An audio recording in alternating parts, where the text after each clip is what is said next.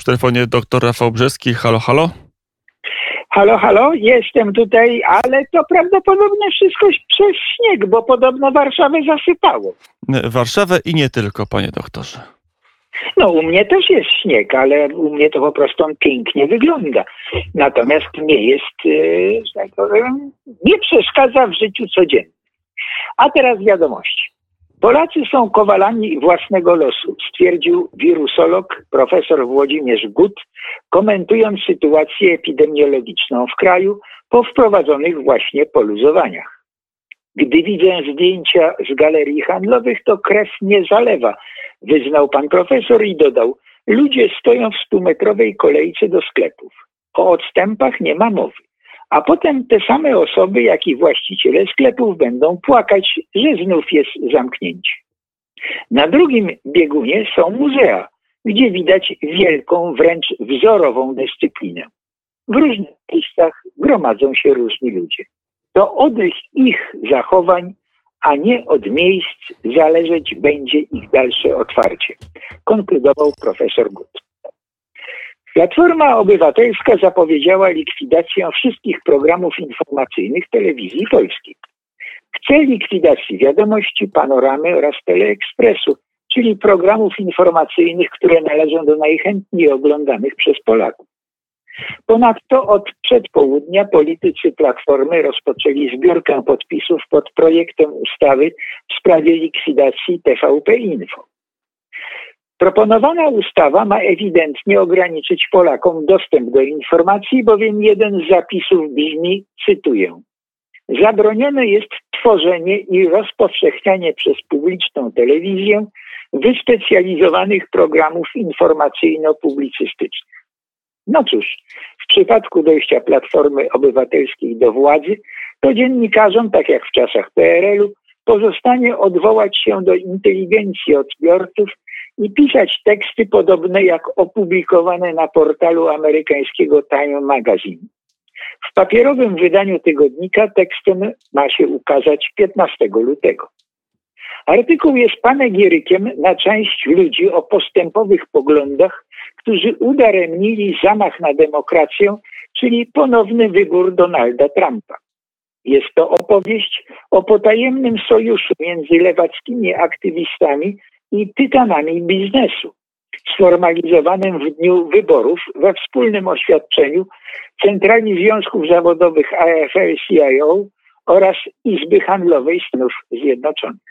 Dzięki temu układowi już na rok przed dniem wyborów luźna koalicja działaczy umacniała amerykańskie instytucje, ładne określenie, umacniała amerykańskie instytucje w obronie przed bezlitosną pandemią oraz coraz bardziej autokratycznym prezydentem.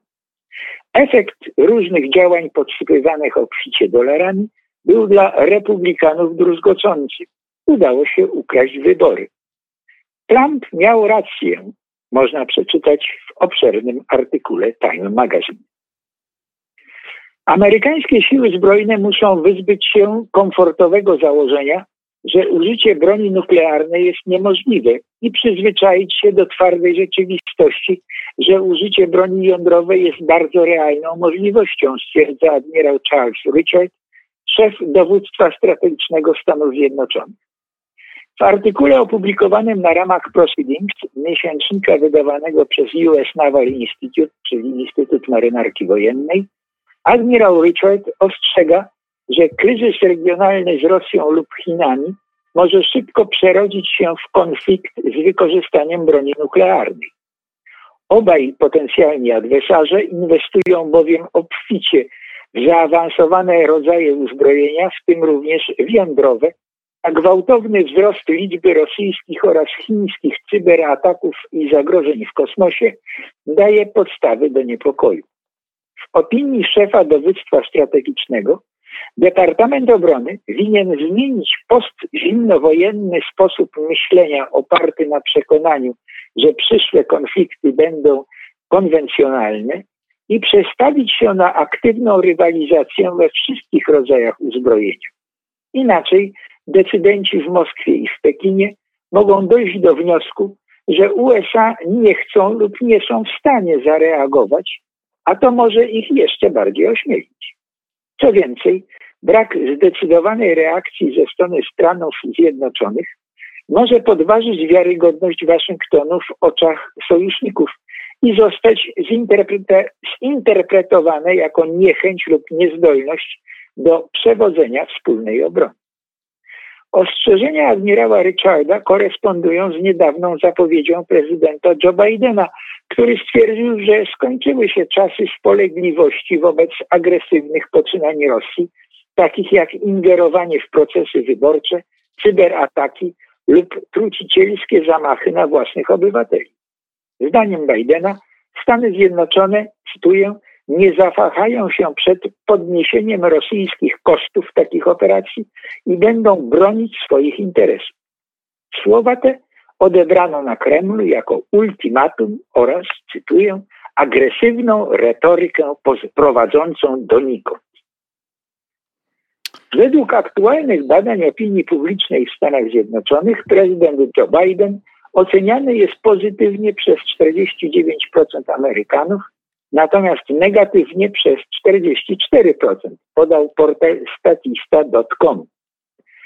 Notowania nie zmieniają się od miesiąca, chociaż nowa administracja energicznie prowadzi swoistą wojnę informacyjną z Trumpistami.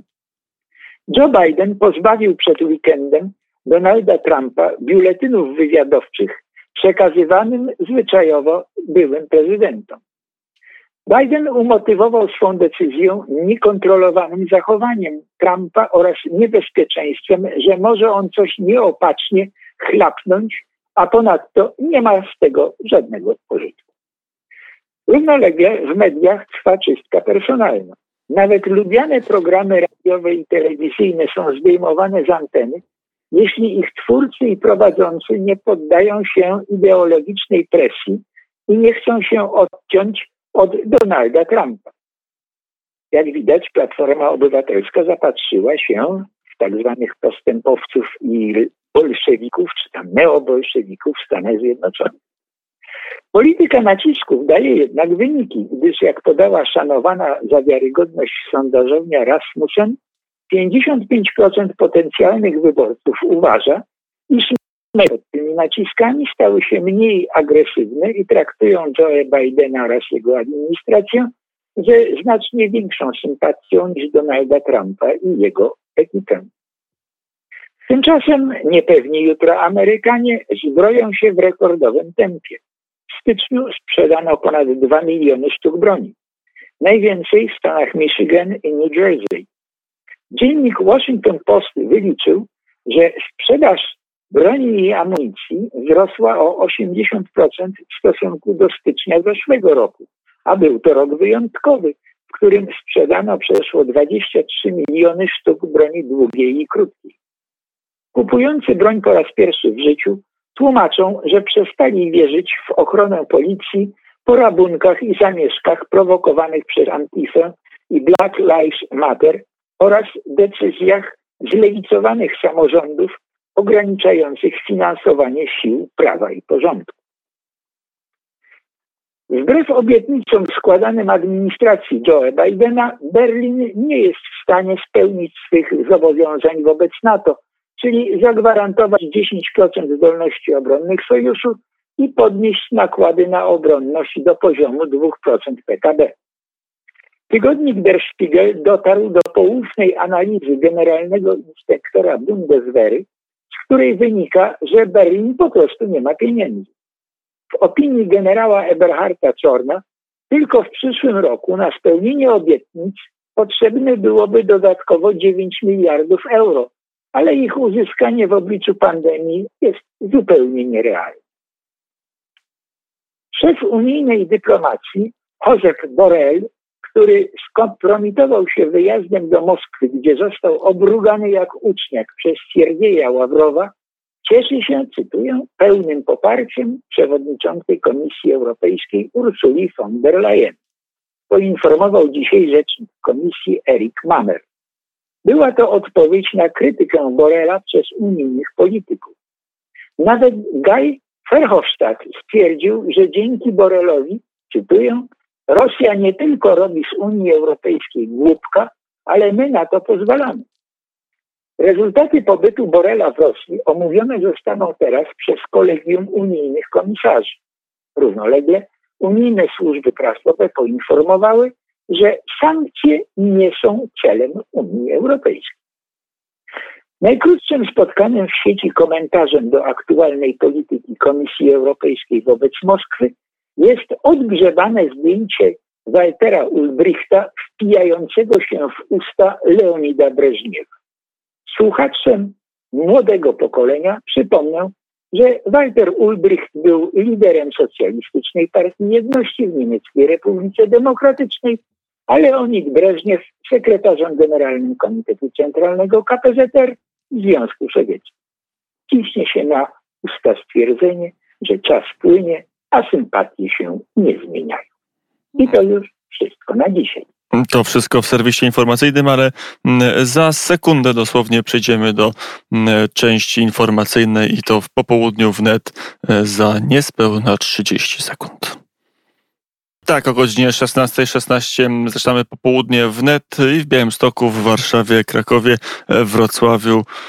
Większość miast zasypana śniegiem, jeździ się trudno, e, czy to samochodem, czy komunikacją miejską, czy rowerem. Nawet iść nie jest łatwo, a my zaczynamy dzisiejsze popołudnie wnet od komentarza i od rozmowy z doktorem Rafałem Brzeskim. Jedna informacja z serwisu szczególnie przykuła moją uwagę, czyli artykuł w tygodniku Time, który ma się ukazać w, na, na dniach w najbliższym poniedziałek, który pokazuje, że jednak był pewien spisek, który miał doprowadzić do tego, aby Donald Trump nie wygrał wyborów. Tak, było to porozumienie, sojusz, poufny sojusz między e, aktywistami lewackimi, czyli co można tego stronnictwa całego bardzo luźnego, ale bardzo silnego i ideologicznie powiązanego stronnictwa neobolszewików, bo to tak chyba należy ich nazywać, a nie neomarksistów, albowiem wyznają raczej e, myśl Lenina niż myśl Marksa i Engelsa. E, a co tu jest bardzo, bardzo niby dziwnego, tytanami przemysłu i tytanami biznesu e, amerykańskiego, którzy są członkami Izby Handlowej amerykańskiej Izby Handlowej. E, z drugiej strony właśnie ci, ci le, lewicowi aktywiści są e, członkami, e, czy raczej powiązani, bo to tutaj trudno mówić o członkostwie, tu raczej należy mówić, jak przynajmniej tak to wygląda z artykułu, należy mówić o luźnej organizacji, o porozumieniu z AFL-CIO, czyli Centralą Związków Zawodowych. No więc biznes ze związkami zawodowymi wspólnie postanowili e, po prostu pozbawić Donalda Trumpa e, władzy, postawić, sparaliżować jego, nie dopuścić do jego wyboru, co, co ładnie to określono, e, że to ma, ma być obrona demokracji i że w tym artykule i że to udało się obronić demokrację i Teraz jak to zrobiono, to nawet mechanizmy tu są częściowo obnażone. Artykuł jest bardzo długi, więc to jest. Y, muszę się przyznać, że czytałem go trzykrotnie i dopiero za trzecim razem finezję y, ujawniania prawdziwych faktów skrytych za mgłą sloganów o postępie, demokracji, no, i tak dalej, i tak dalej. Za tą mgłą dopiero zrozumiałem, o co, o co tym autorom chyba chodziło. Dlaczego to opublikował Time Magazine, czyli jeden z najbardziej liczących się, chyba najbardziej liczących się tygodników e, w Stanach Zjednoczonych, nie wiem.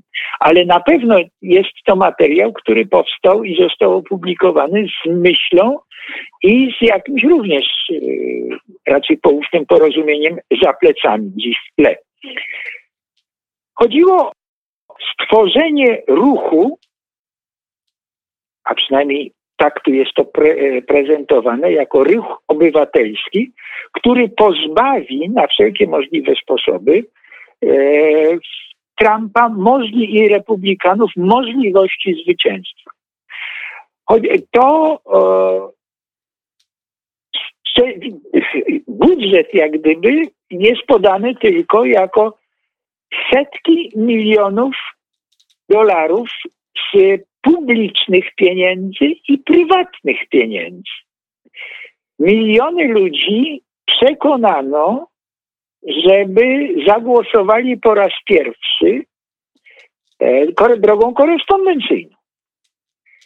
Jeżeli się weźmie pod uwagę to, że były częste przypadki, że tą drogą korespondencyjną przychodziły, no, nazwijmy to lewe głosy, to e, nie dziwota, że te miliony ludzi zorganizowano po to, żeby jak gdyby za ich zasłoną podrzucić do punktów liczenia głosów to, co trzeba.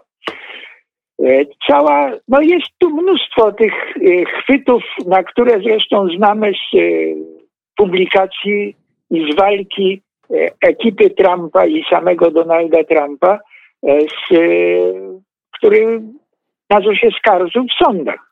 Ale tu również tak. Konkluzja tego artykułu e, w, no, w prestiżowym było, nie było tygodniku amerykańskim jest taka, że e, doszło do sojuszu Antify, czyli radykalnie lewicowej grupy o charakterze w zasadzie bojowym, bo każda demonstracja, czy prawie każda demonstracja Antify e, kończy się przemocą albo aktami wandalizmu e, z wielkim kapitałem. I taki oto sojusz. To, jest, nie, to już jest za mocne stwierdzenie. Tak daleko nie, że to nie jest sojusz Antify.